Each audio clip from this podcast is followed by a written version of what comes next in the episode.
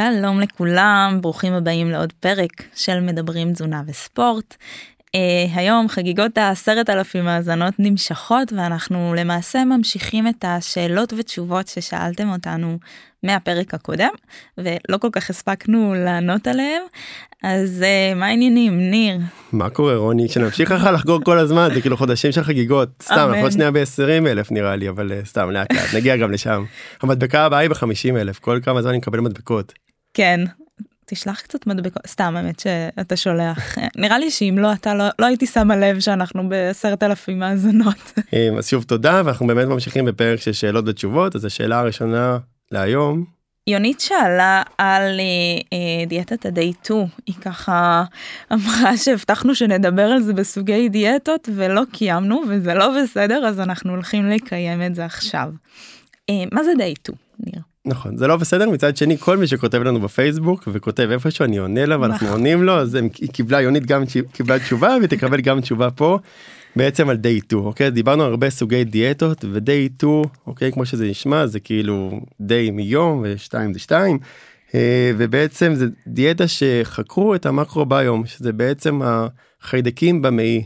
רצו לדעת איך החיידקים במעי משפיעים לנו על הדיאטה והולכים להמון כיוונים שמדברים על גם על השמנה וגם על הבריאות, יש המון המון כיוונים, מגנטיקה לאפי גנטיקה, זה איך הסביבה משפיעה על הגנים, ועל הצד הביולוגי, והצד ההורמונלי, והמקרוביום שאני עוד שניה ארחיב על זה, ומשהו שנקרא אימפרינטד, זה מה מוטבע בנו במהלך החיים, ובכלל איזה אירועים חלפו עלינו ועברו עלינו מגיל צעיר, ויש המון נישות שחוקרים תזונה, אם זה השמנה ואם זה בריאות.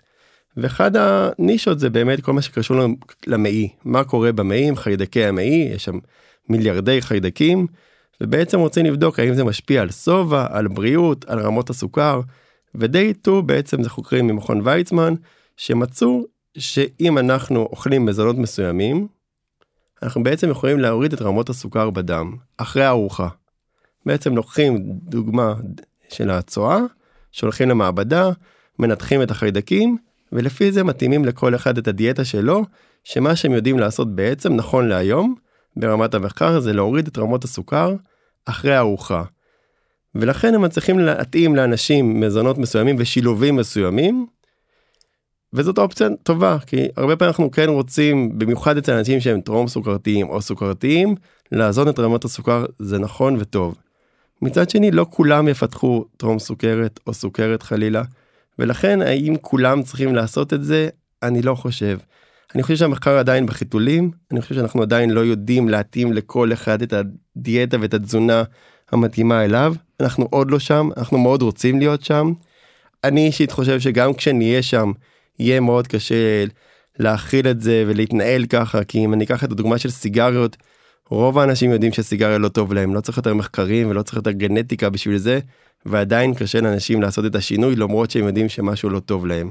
אז אנחנו פשוט מדברים הרבה על הפסיכולוגיה ופסיכולוגיה של שינוי ברמת ה-day 2 מי שזה עוזר לו וזה טוב וזה נחמד וזה באמת מוריד לו את הסוכר אני בעד מעבר לזה הם לא הצליחו להוכיח שהם יכולים להוריד אנשים במשקל mm-hmm.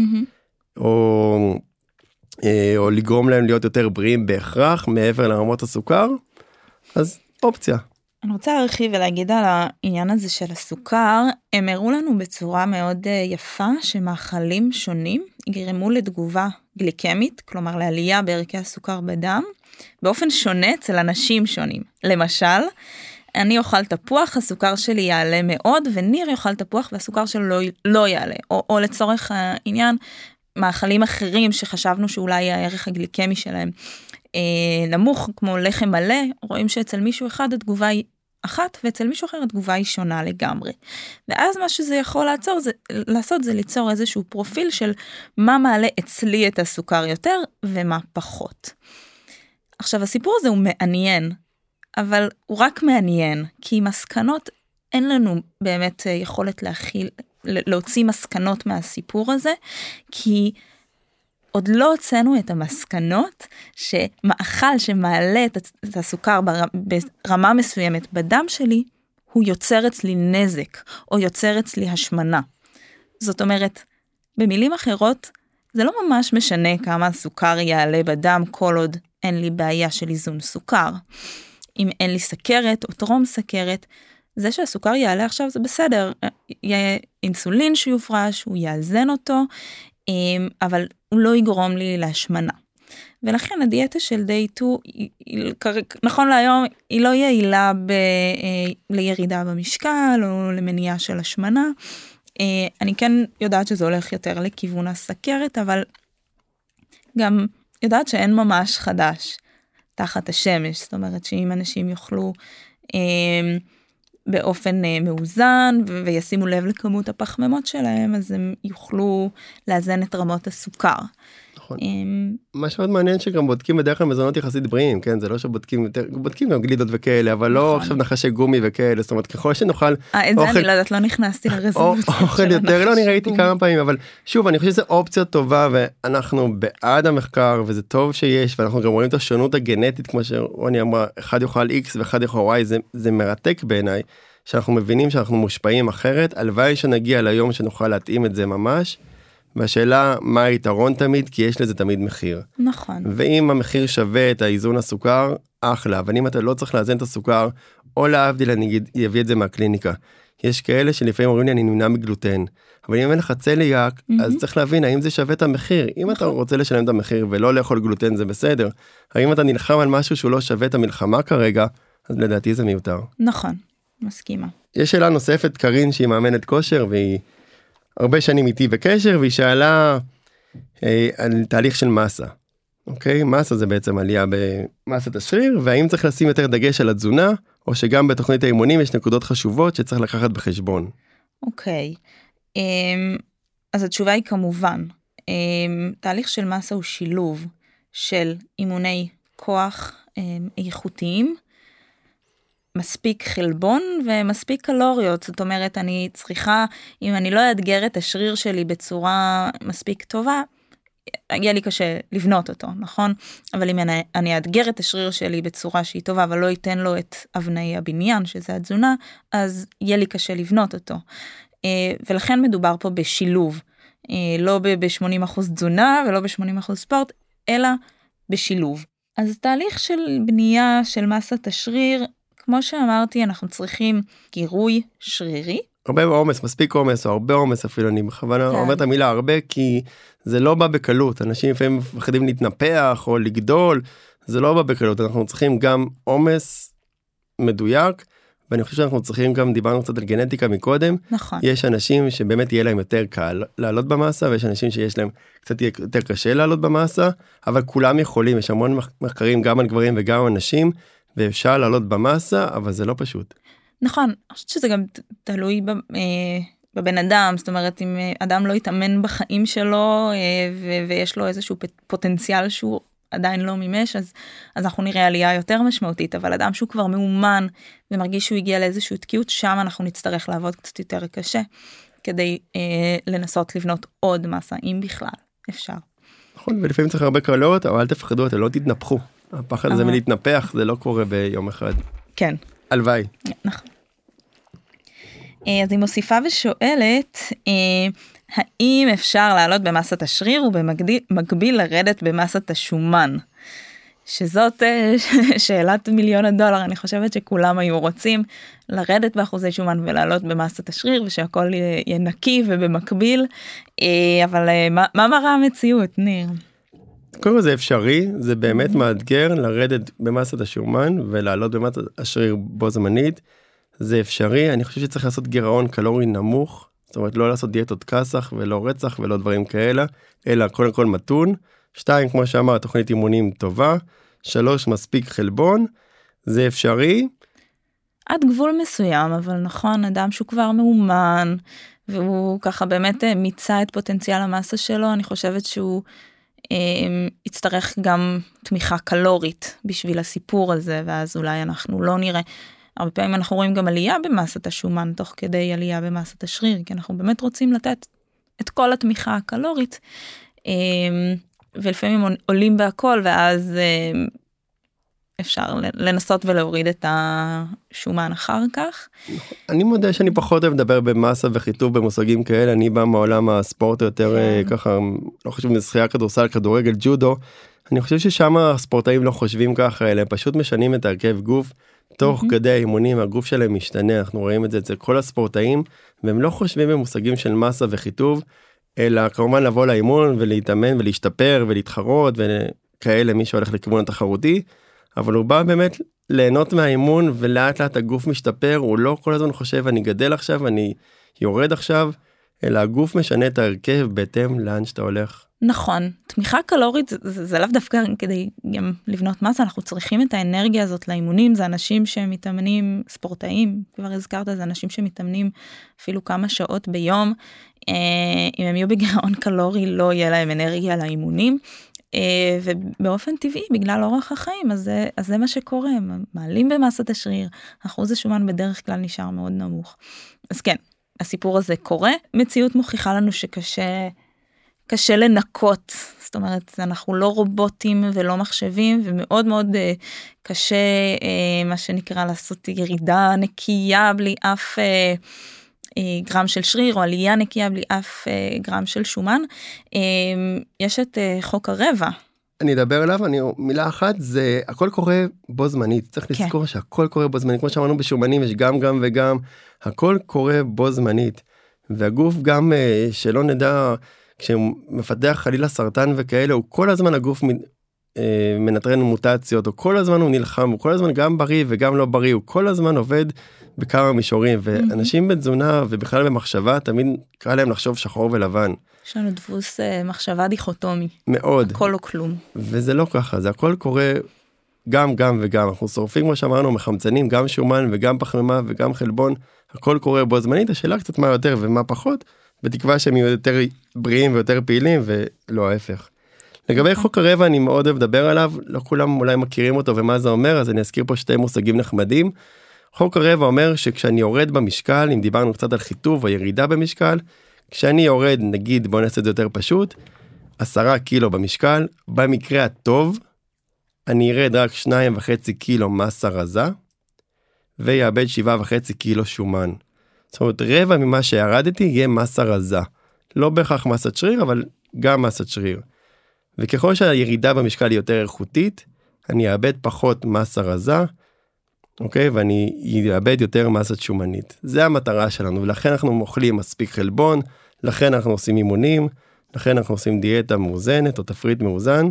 זה הכיוון. נכון, אז אני רק אדגיש, כדי לייצר ירידה איכותית במשקל אנחנו צריכים אמ, לשלב אימוני התנגדות למעשה אם השריר ירגיש שיש בו צורך והוא צריך אה, צריך לשמר הגוף צריך לשמר את מסת השריר אז אה, הוא ישמור עליה קצת יותר זה לא אומר שבמאה אחוז לא נאבד שריר אבל זה בהחלט אומר שאנחנו מקטינים את הרבע הזה.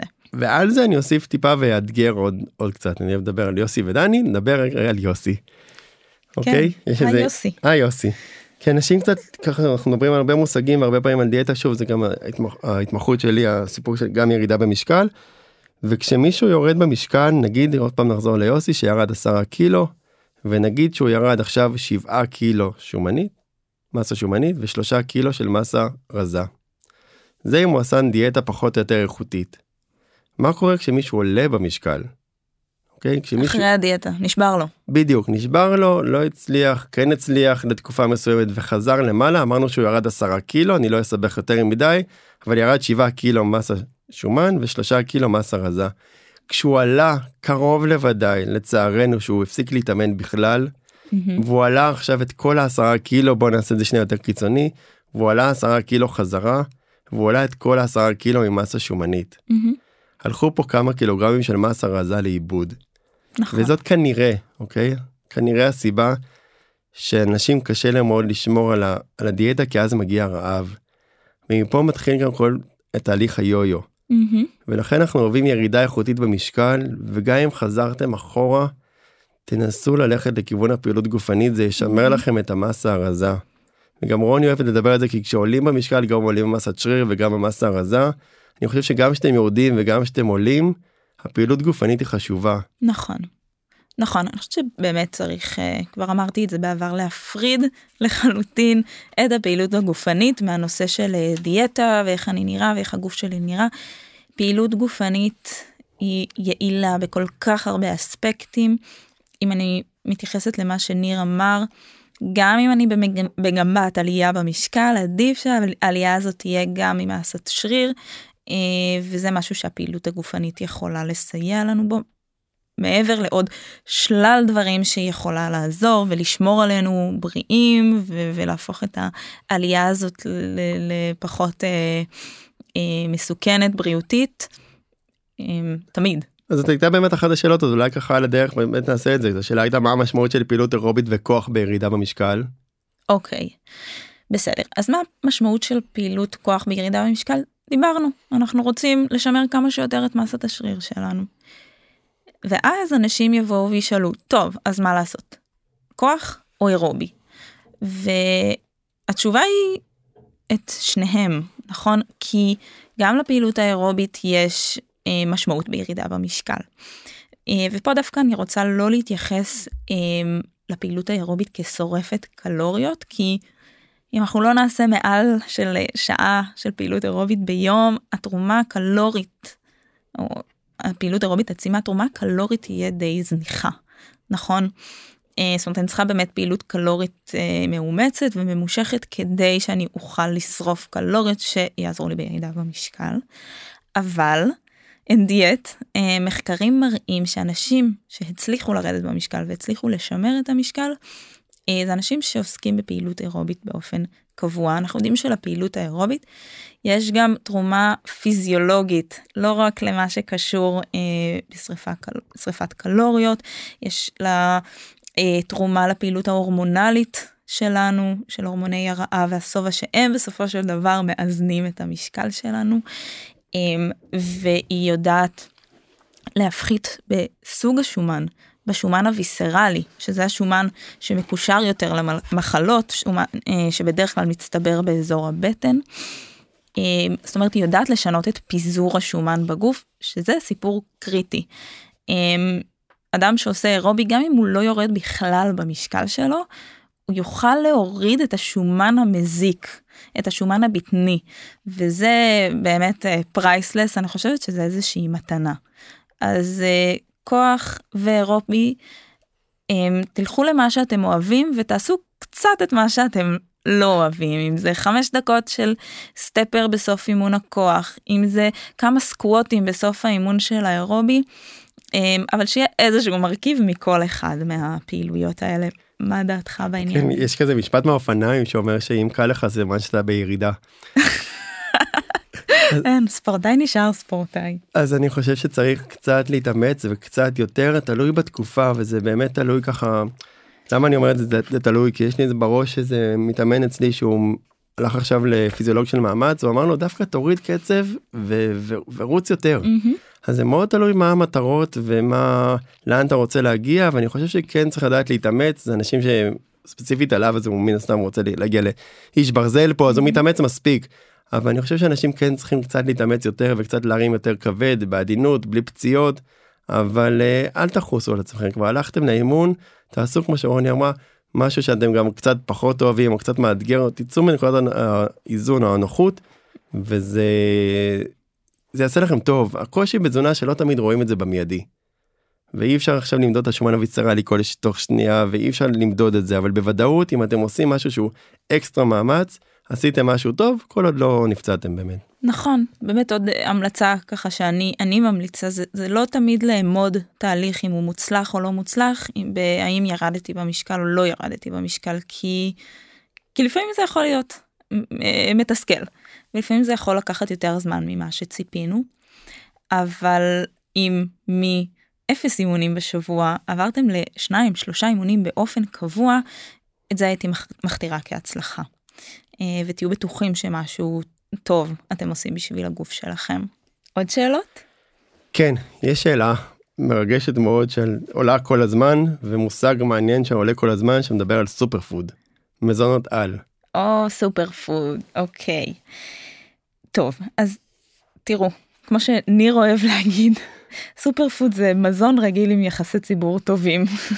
לגמרי. אני, אני מצטטת ניר שניידר תזוני ספורט סתם אבל אה, super food גם הוא לא מונח אה, מדעי או מקצועי מדובר באיזשהו גם מונח אה, שיווקי שמתאר מזונות מסוימים ומייחס להם יתרונות אה, בריאותיים סגולות מאוד מאוד אה, טובים, כך שהם אה, בעלי צפיפות תזונתית גבוהה. עכשיו, לא, לא ממש הגדירו מה זה אומר צפיפות תזונתית, מה זה יתרונות בריאותיים, מה זה אותם סגולות. ולכן אין, אין לזה שום ביסוס מדעי, זאת אומרת, המדע לא קובע איזה מזון נכלל תחת הקטגוריית סופר פוד ואיזה אה, מזון נכלל תחת הקטגוריית, אה, לא יודעת, אה, פשוט העם. בדיוק, מזון על או מזל, מזון... עם. רציתי להגיד מילה אחרת. אוקיי, מזון פחות.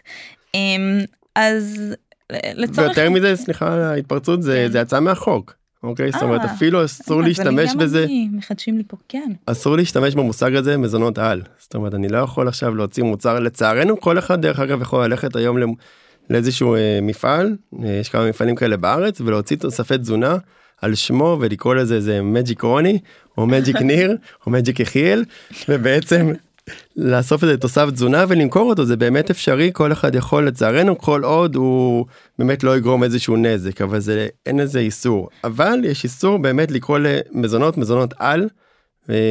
אז בגלל הסיפור הזה של ההטייה. בדיוק זה הטעיה כי הם כנראה לא עושים את מה שאנשים חושבים או משווקים אותם ככה. זהו אז, אז באמת מדובר פה בשיווק אנחנו יודעים ששיווק אה, יש לו אינטרס אה, מאוד ברור ולא לא כל כך אה, מעניין אותם החוקים או מה האמת שעומדת מאחורי הסיפור הזה. אז יכול לבוא משווק מאוד מאוד טוב ולהגיד תוסיפו גוג'י ברי או זירי צ'יה ליוגורט שלכם זה, זה המזון הכי טוב שיש בעולם. זה לא מזון רע, אין, אין שקר, אבל גם הרבה פעמים הוא יקר יותר בגלל השיווק הזה של היותו מזון על סופר פוד זה עושה איזה משהו לאנשים נותן תחושה של בריאות ואז הם גם על זה מס, מסכימים לעצמם להעלות את המחירים בעצם על לא על, על שום סיבה הגיונית. בדיוק היה לי איזה מישהו לקוח באמת שהגיע לטיפול אחר אבל הוא בין היתר היה אחד שמשווק ומייבא את המוצרים האלה והוא היווה ספירולינה לארץ. כן. והוא הביא לי את ה... מהמפעל בסין את הקטלוג מה יש בספירולינה והוא אמר לי תקשיב אני מוכר את זה בכמויות אני לא מבין אפילו מה יש פה. אוקיי. והסתכלנו בפנים ממש הסתכלתי ברכיבים סיפור לגמרי אמיתי. ואתה רואה שאין שם את מה שאנשים חושבים שיש ולפני כמה ימים עשיתי פיזיותרפיה ואחת המתאמנות שם אמרה אבל בספירולינה יש המון חלבון. אמרתי אבל בואי בוא נחשוב ביחד בהיגיון אם יש לך כפית ספירולינה וכל הכפית הזאת היא חמישה גרם. חלבון.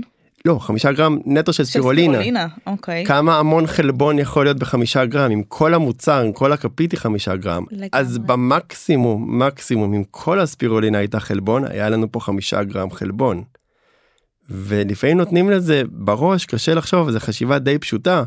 שאם יש לי גרם אחד לא יכול להיות שבמוצר הזה אם זה כלורלה או צ'יה או. משהו כזה לא יכול להיות כזאת כמות אדירה של דברים אחרים. גם הרבה פעמים מסתכלים ב-100 גרם אבל צריך להבין ש-100 גרם של ספירולינה זה 20 כפיות זאת אומרת מי אוכל את הכמות הזאת אז אם אתה רוצה לחיות על ספירולינה ולוודא שהיא מספקת לך כמות חלבון אתה צריך.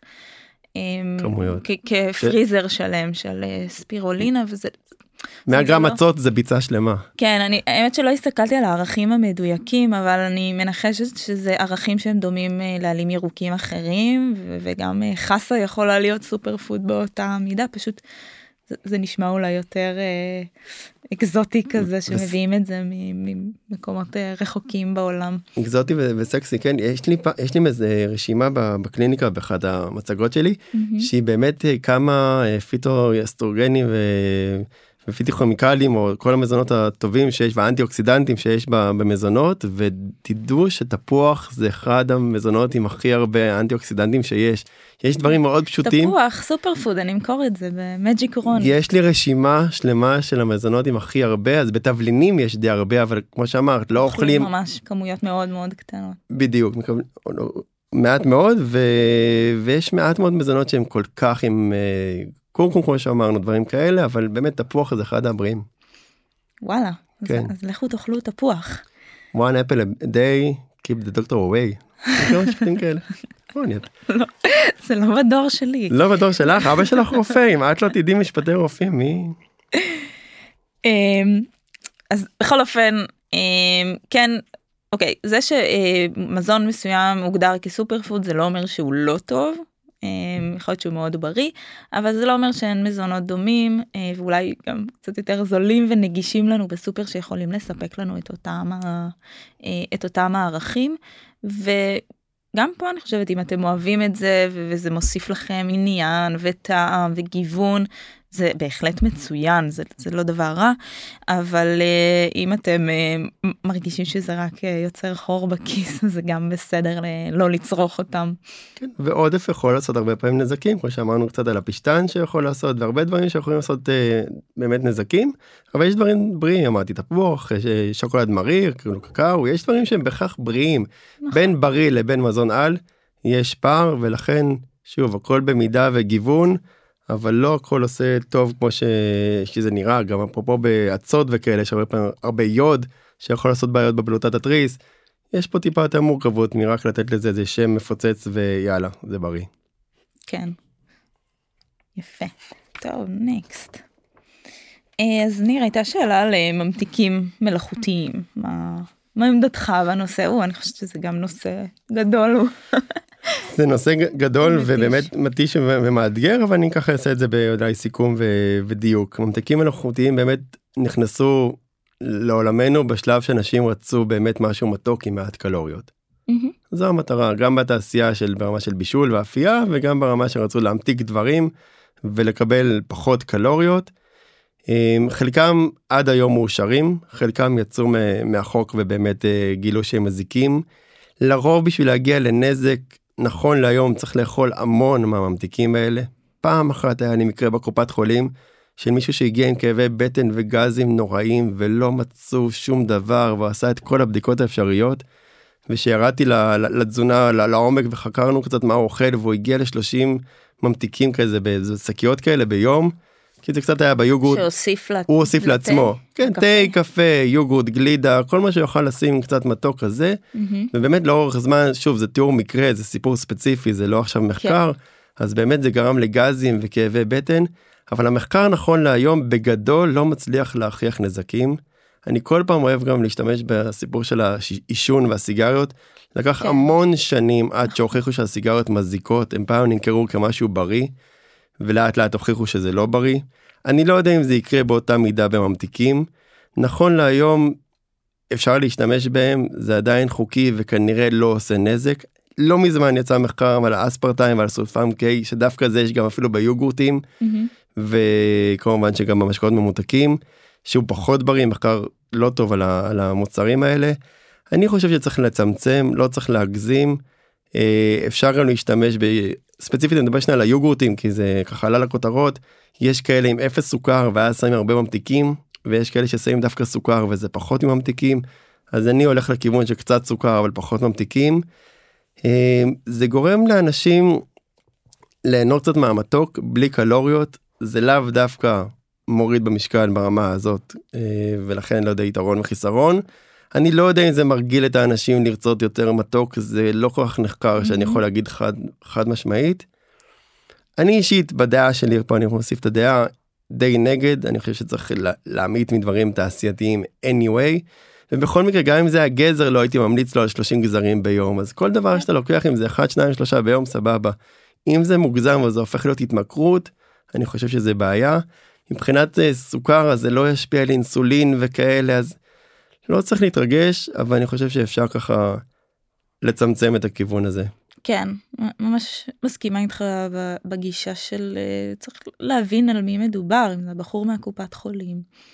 בהחלט נשמע שנעשה פה שימוש יתר אבל הרבה פעמים אנשים מגיעים אליי ואומרים תגידי מותר לי דיאט קולה. אז אני שואלת מה מה המקום של הדיאט קולה מה בשעה 4 בסוף יום עבודה אני שותה את הדיאט קולה ואני מאושר. אז סבבה נראה לי שזה ממלא את תפקידו אם זה משהו שהוא כל היום אם זה תחליף לנוזלים למים אני חושבת שאולי כדאי להתרגל אחרת. אמ, נקודה קצת... חשובה מאוד זאת אומרת כמה זה תופס ביום ואם זה באמת תחליף לשתייה למים. כן נכון אז אני אוהבת את המשקאות הממותקים לשים תחת הקטגוריה של אה, אוכל שהוא כיף ממתקים חטיפים אוכל שהוא לא בשביל להזין אותי אמ, ואם מתכוונת לשתייה, אז זה אוכל, זה שתייה שהיא לא בשביל להרוות אותי.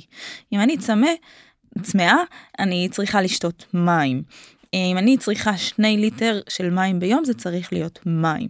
הדיאט קולה זה יכול לבוא, אה, להיכנס תחת קטגוריית אחרת, אוכל שהוא כיף ובמידה שלו, אה, שזה גם התפקיד שלו. בסוף יום עבודה, בסדר, תתפנק על אה, כוס קולה. אם אתה עכשיו צמא באימון, שתי מים. אני זוכר שלפני איזה עשר שנים, משהו כזה, הייתי באיזה כנס תזונה, וככה דיברו על הממתיקים, זה בא מאיזה... מהתעשייה כי בכנסת תזונה יש כל מיני נישות ודיברו על הממתיקים ואני כאילו תפסתי את הראש ואני אומר כאילו וואו מה אתם עושים כאילו כל היום אתם חושבים על איך ליצור לאנשים דברים שנכון יורידו אולי את הסוכר אבל בעוד עשר שנים אנחנו נתמודד עם התמכרות אחרת שלא קיימת. וצריך לזכור שהתעשייה הזאת היא עזבו שנייה כסף ודברים כאלה היא גורמת לאנשים להתמכר לדברים שלא היו. ולי קשה בעיקר עם ההתמכרות. ולאט לאט אנשים צריכים להבין שהרבה מהתנהגות הם לא היו קיימות ופתאום זה נהיה כמו שרוני אמר פעם ביום אבל הפעם נהיה שלוש וארבע וחמש ואז פה הקאץ' הגדול. כן המידתיות אני חושבת שכל אחד יכול לעשות את החשבון נפש שלו ואנשים יודעים להגיד אני שותה יותר מדי קולה או, או אני שותה רק פעם ב... זאת אומרת אנשים יודעים לבוא ולהעיד על עצמם נכון. זה too much או שזה סביר. או שותם פחות מדי מים זה משהו שאני שומע שומע כל, כל יום. כל הזמן כן. אנשים שכחתי לשתות. איך שכחת לשתות? שכחתי לנשום. כן. אבל בסדר בשביל זה אנחנו פה קצת להזכיר להם מה, מה יותר טוב מה פחות טוב אבל באמת בסוף זה שיקול דעת שלכם נכון ובאמת העולם הוא חופשי כל הדברים שאנחנו מדברים עליהם זה בסוף עניין של בחירה וכל אחד ינהל את זה איך שהוא רואה לנכון עם הפקות חלבון בלי הפקות חלבון. עם ממתיקים בלי ממתיקים אה, אנחנו כאן כדי לתת את הידע ונמשיך עם זה.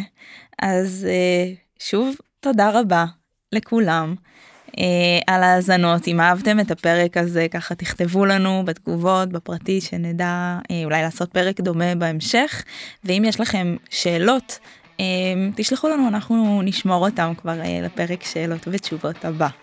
אז תודה רבה ניר. מעולה ותודה רוני. יאללה ביי. ביי.